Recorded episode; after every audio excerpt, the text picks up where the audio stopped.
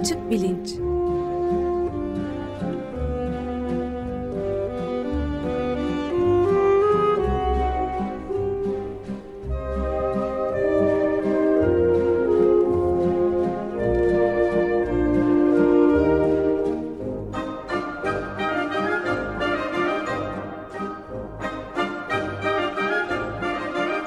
Güven Güzeldere ile bilim ve felsefe sohbetleri.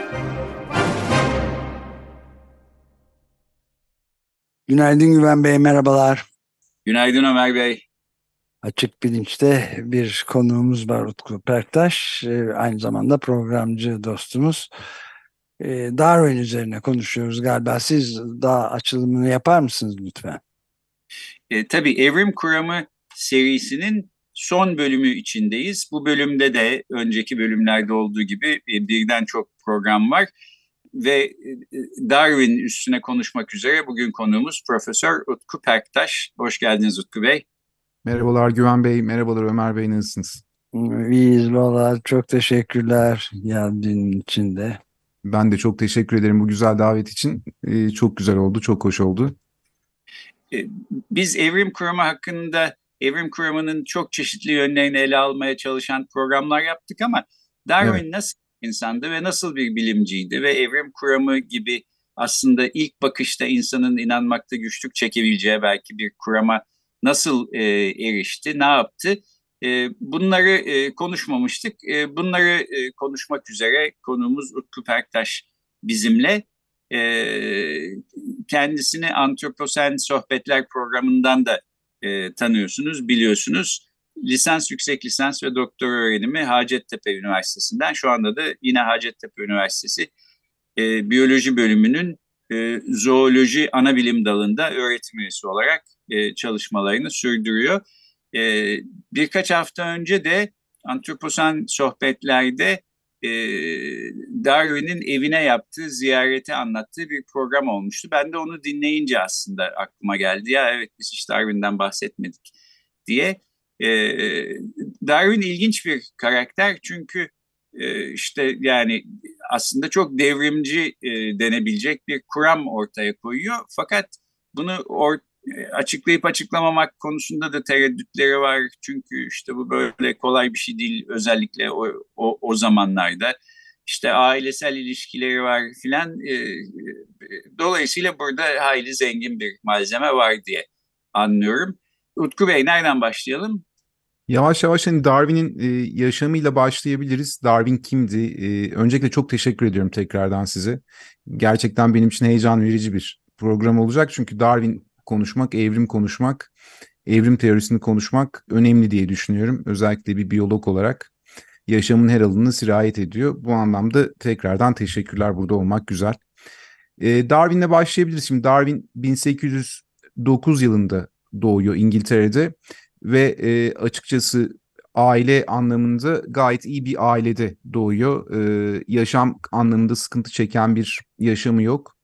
Ama e, babası, ailesi yani onun bir doğa bilimcisi olması konusunda tereddütlere sahip ama Darwin'in ciddi anlamda bir doğaya merakı var. Böcek topluyor, kuşlarla ilgileniyor, doğayı merak ediyor ama tabii o dönem Victoria dönemi İngiltere'si o dönem e, daha çok dini akımların da e, açıkçası e, şey olduğu bir dönem, e, etkin olduğu bir dönem. Dolayısıyla bu tür evrimle alakalı ya da e, yaratılışla alakalı bir takım fikirleri söylemek problematik esasında. Yani çok net bir şekilde ortaya çıkmıyor. Ama böcek topluyor Darwin, farklı canlılara eğiliyor. Bunlara bakarken de bir çeşitlilik olduğu ortada. Dedesi esasında Erasmus Darwin yani babasının babası e, bir şekilde evrimle aslında ilgileniyor ama kendisi tıp hekimi. Evrimle ilgilendiği için e, genellikle canlıların nasıl oluştuğuna dair e, canlıların değiştiğine dair bir takım fikirlere sahip ve bu fikirleri de esasında üstü kapalı bir takım şeylerde mekanlarda, toplantılarda dile getirebiliyor. Ama üstü kapalı tepkiler alıyor. Üstü kapalı tepkiler aldığı için de bu fikirleri çok fazla yayamıyor. Çünkü eğer yayarsa tıp hekimi de olduğu için hastaları anlamında sıkıntıya girebileceğini düşünüyor. Hastaları ona gelmeyi bırakacak, işte tedavi olmayı bırakacak, geliri düşecek gibi bir takım problemler karşı karşıya kalabilirim diyor ve e, buradan birazcık hani uzak durmaya çalışıyor ama özellikle kendisi e, kendi döneminde e, şairlik de yapıyor ve bu şairliği yaparken yani şiir yazıyor ama bu şiir şiirleri yazarken Doğanın Mabedi diye bir e, şiir yazarken şu dizelere dikkat çekiyor. Bunu burada okumak istiyorum izninizle. Ufacık ilk canlılar görülmez büyüteçle çamurda kıpırdanır, yüzer suyun içinde. Kuşaklar gelip geçtikçe onlar yeni göçler kazanır, daha büyük uzuvlar bitimsiz nebatatın yetiştirdiği her yerde ve yüzgeçler, ayaklar, kanatlar aleminde. Esasında evrimle e, belli ölçüde Erasmus Darwin de ilgileniyor. Yani bu kesinlikle ailenin içinde de böyle bir bakış açısı var ama bu çok fazla dile gelemiyor. Neyse gelelim Darwin'e.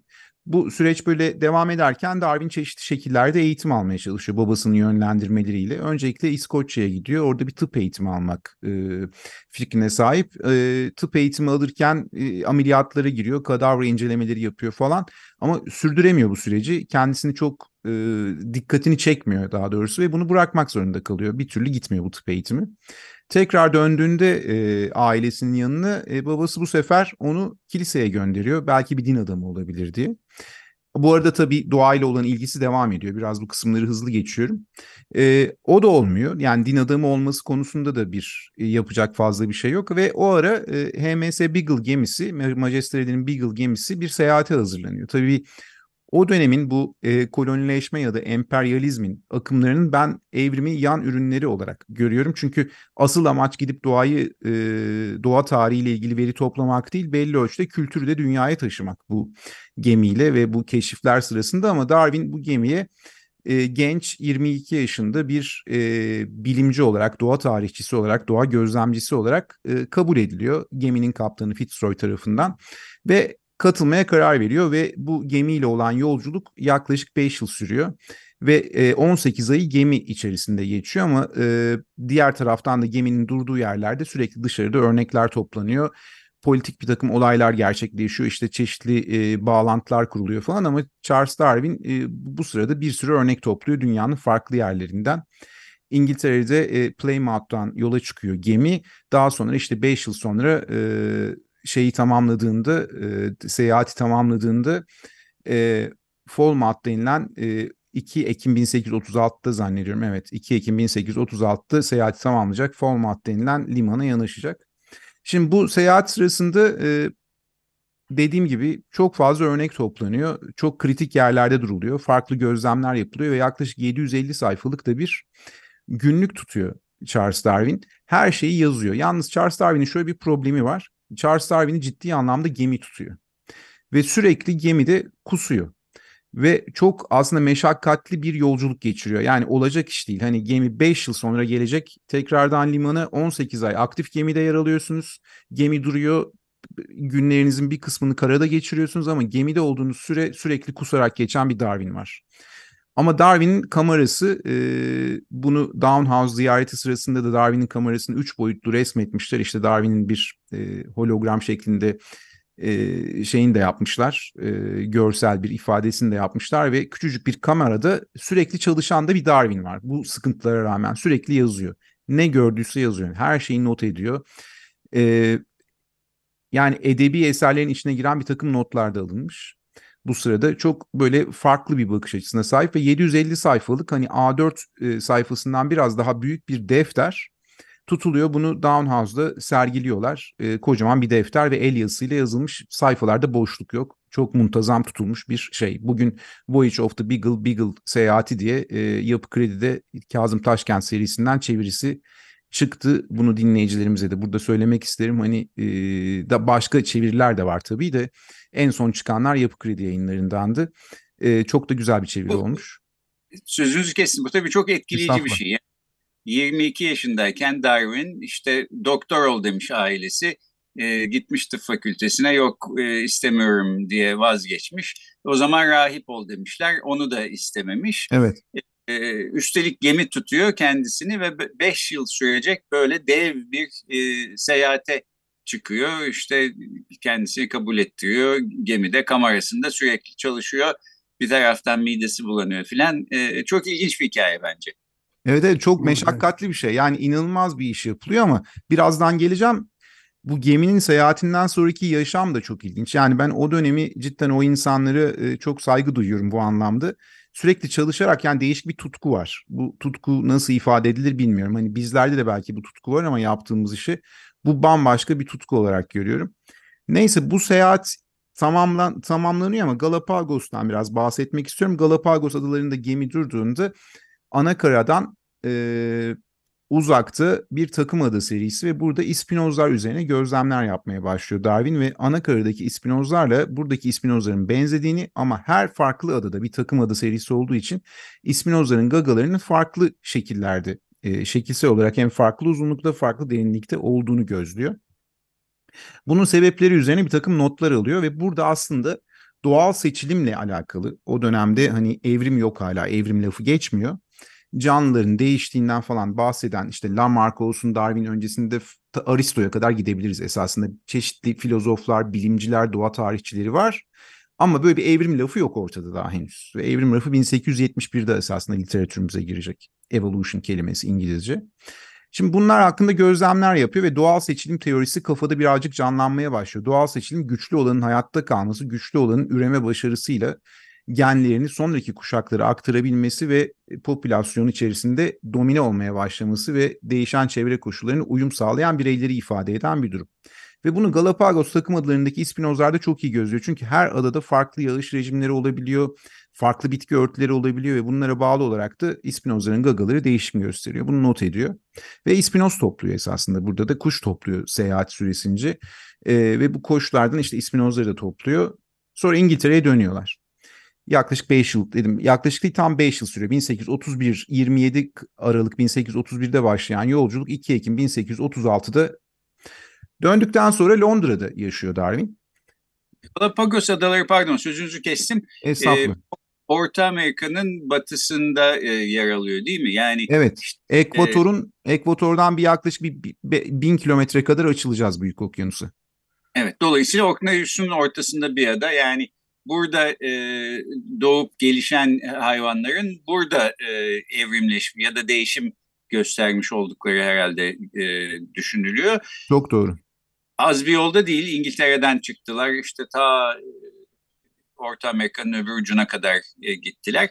Tabii yani bu e, Beagle e, gemisinde bir sürü insan vardı. Bu ispinozları herkes de gördü. İşte e, Darwin ne gördüyse herkes de o, o geminin diğer mürettebatı aynı şeyleri gördü. Ama kimse bunlardan böyle bir sonuç çıkartmıyor. Çünkü kimsenin böyle bir derdi yok galiba. Halbuki Darwin bir şeyleri anlamaya çalışıyor. Evet Değil evet mi? doğa doğa gözlemcisi Darwin gemideki. Herkesin farklı bir aslında rolü var ama doğa gözlemcisi Darwin Darwin'in kafasında sürekli bunlar dönüyor. Yani hani e, konsantrasyonu bu noktada.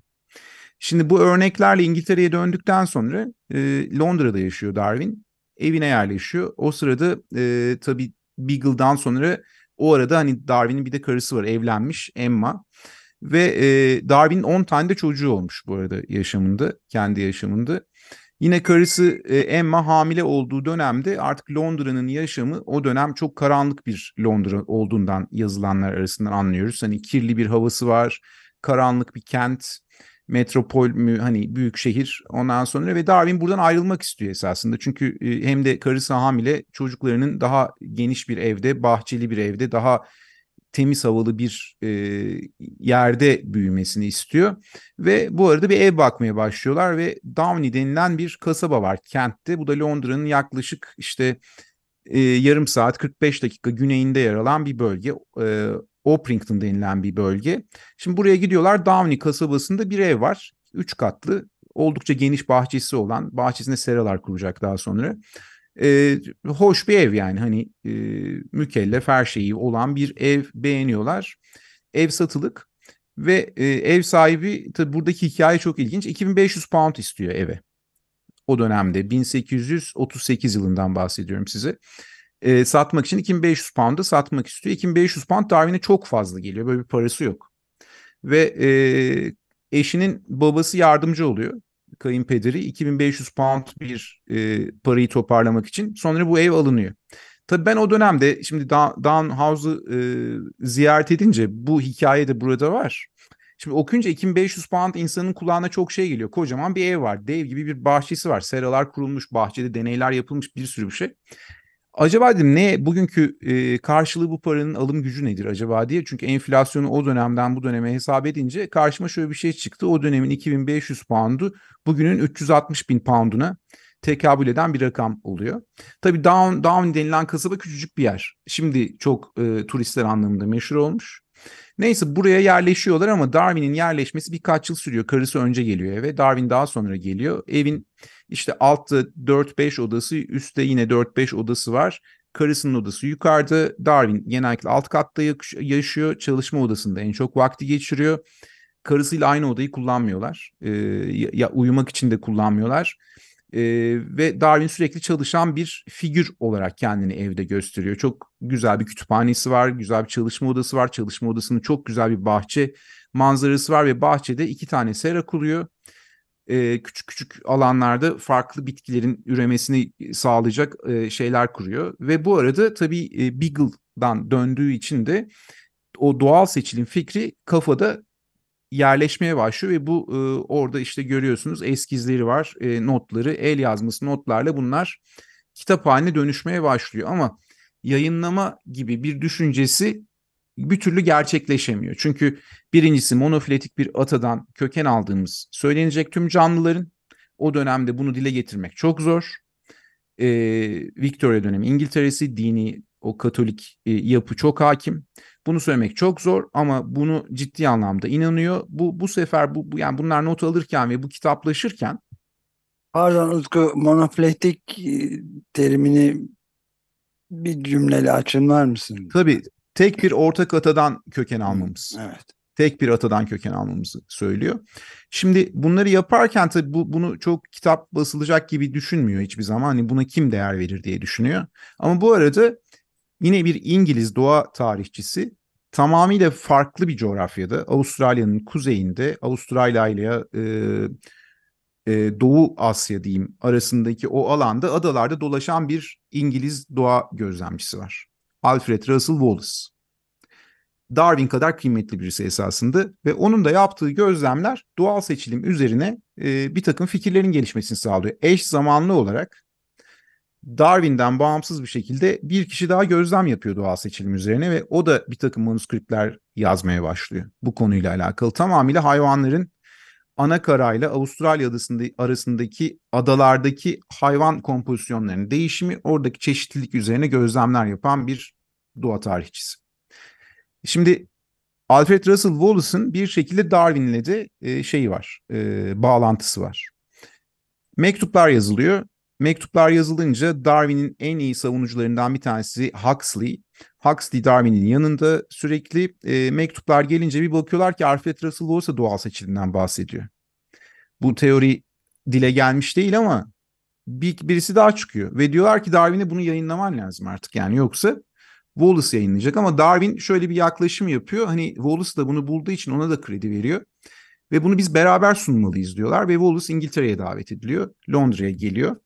Linnean Society'de bir toplantı düzenleniyor. E, İngiltere Linnean Society'de. E, o toplantıda e, bunu da yine e, şimdi Trink'te bir e, doğa tarihinin kuş koleksiyonu var İngiltere'de Londra'nın kuzeyinde. Rothschild'ın bir çok güzel bir kütüphanesi var. Kütüphanede bu sayıya da ulaştım ben. E, Linnean Society'de yapılan bugün Biological Journal of Linnean Society dergisinin işte 1858 yılı e, şeyi e, cildi.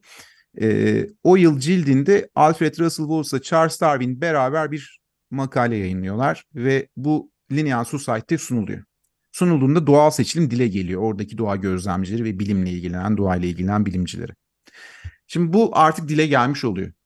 Ama Wallace diyor ki Darwin benden çok daha iyi açıkladı. Bu kredi yani bu bu teorinin sahibi Darwin'dir. Yani ben ona şey yapıyorum. Hani ben de bunu düşündüm ama onun açıklaması ve onun çalışmaları, gözlemleri benden daha e, şeydir, öncedir, üstündür, iyidir deyip krediyi Darwin'e verip kendisini ikinci plana çekiyor. Çok kibar bir adammış gerçekten. Hani hiç diyecek hiçbir şey yok. Ben çok saygı duyuyorum. Sonra yaptığı hayvanların biyocoğrafyanın babası olarak kabul edilir kendisi. Yaptığı çalışmalarda hep Darwin'e ithaf ediyor kitaplarını falan.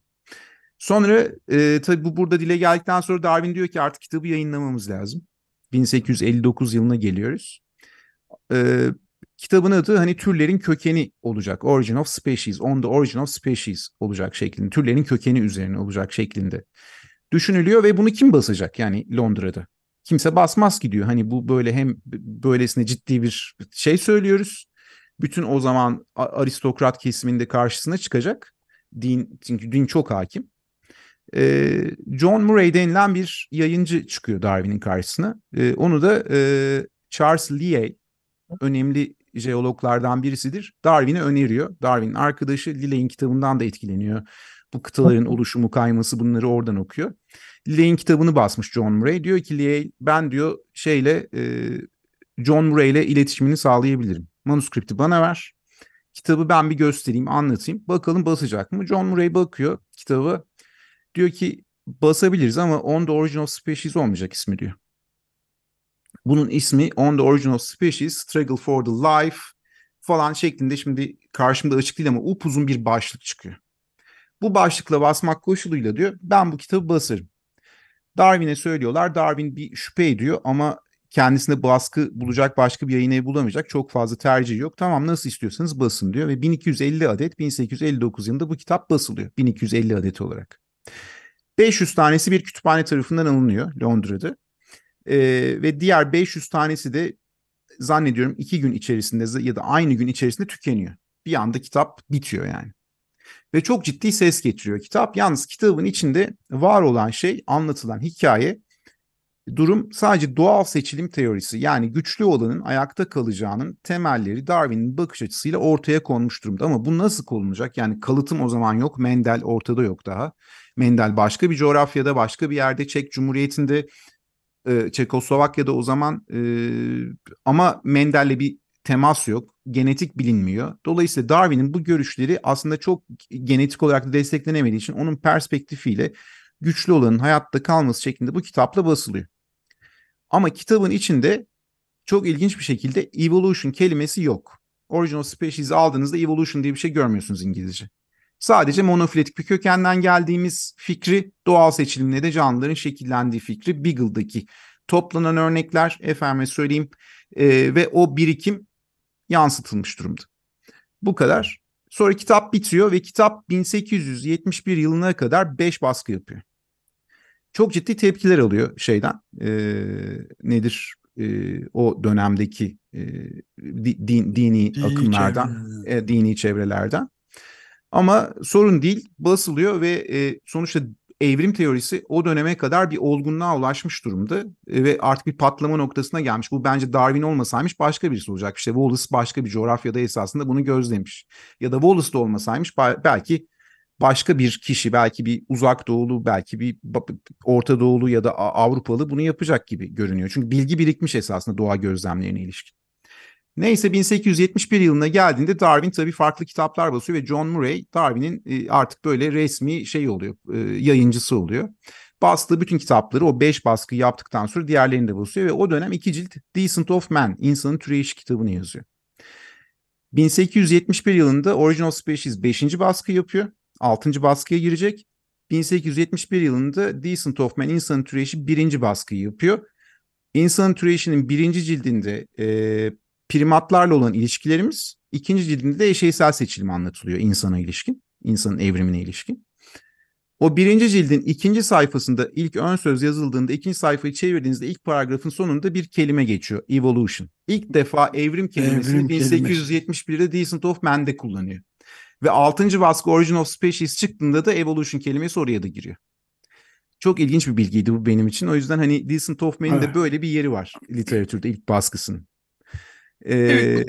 Neden? E, yani şimdi kendimizi bir yan için Darwin'in yerine koyalım. 1859'dan önceki dönemde işte koca adam olmuş, evlenmiş, çocukları var, evi var. Fakat büyük ihtimalle annesi babası, eşi dostu, işte kayınpederi filan diyorlar ki ya bir baltaya sahip olamadın, işin gücün yok, işte ne yaptığın belli değil, doktor olacaktın olmadın, rahip olacaktın olmadın filan.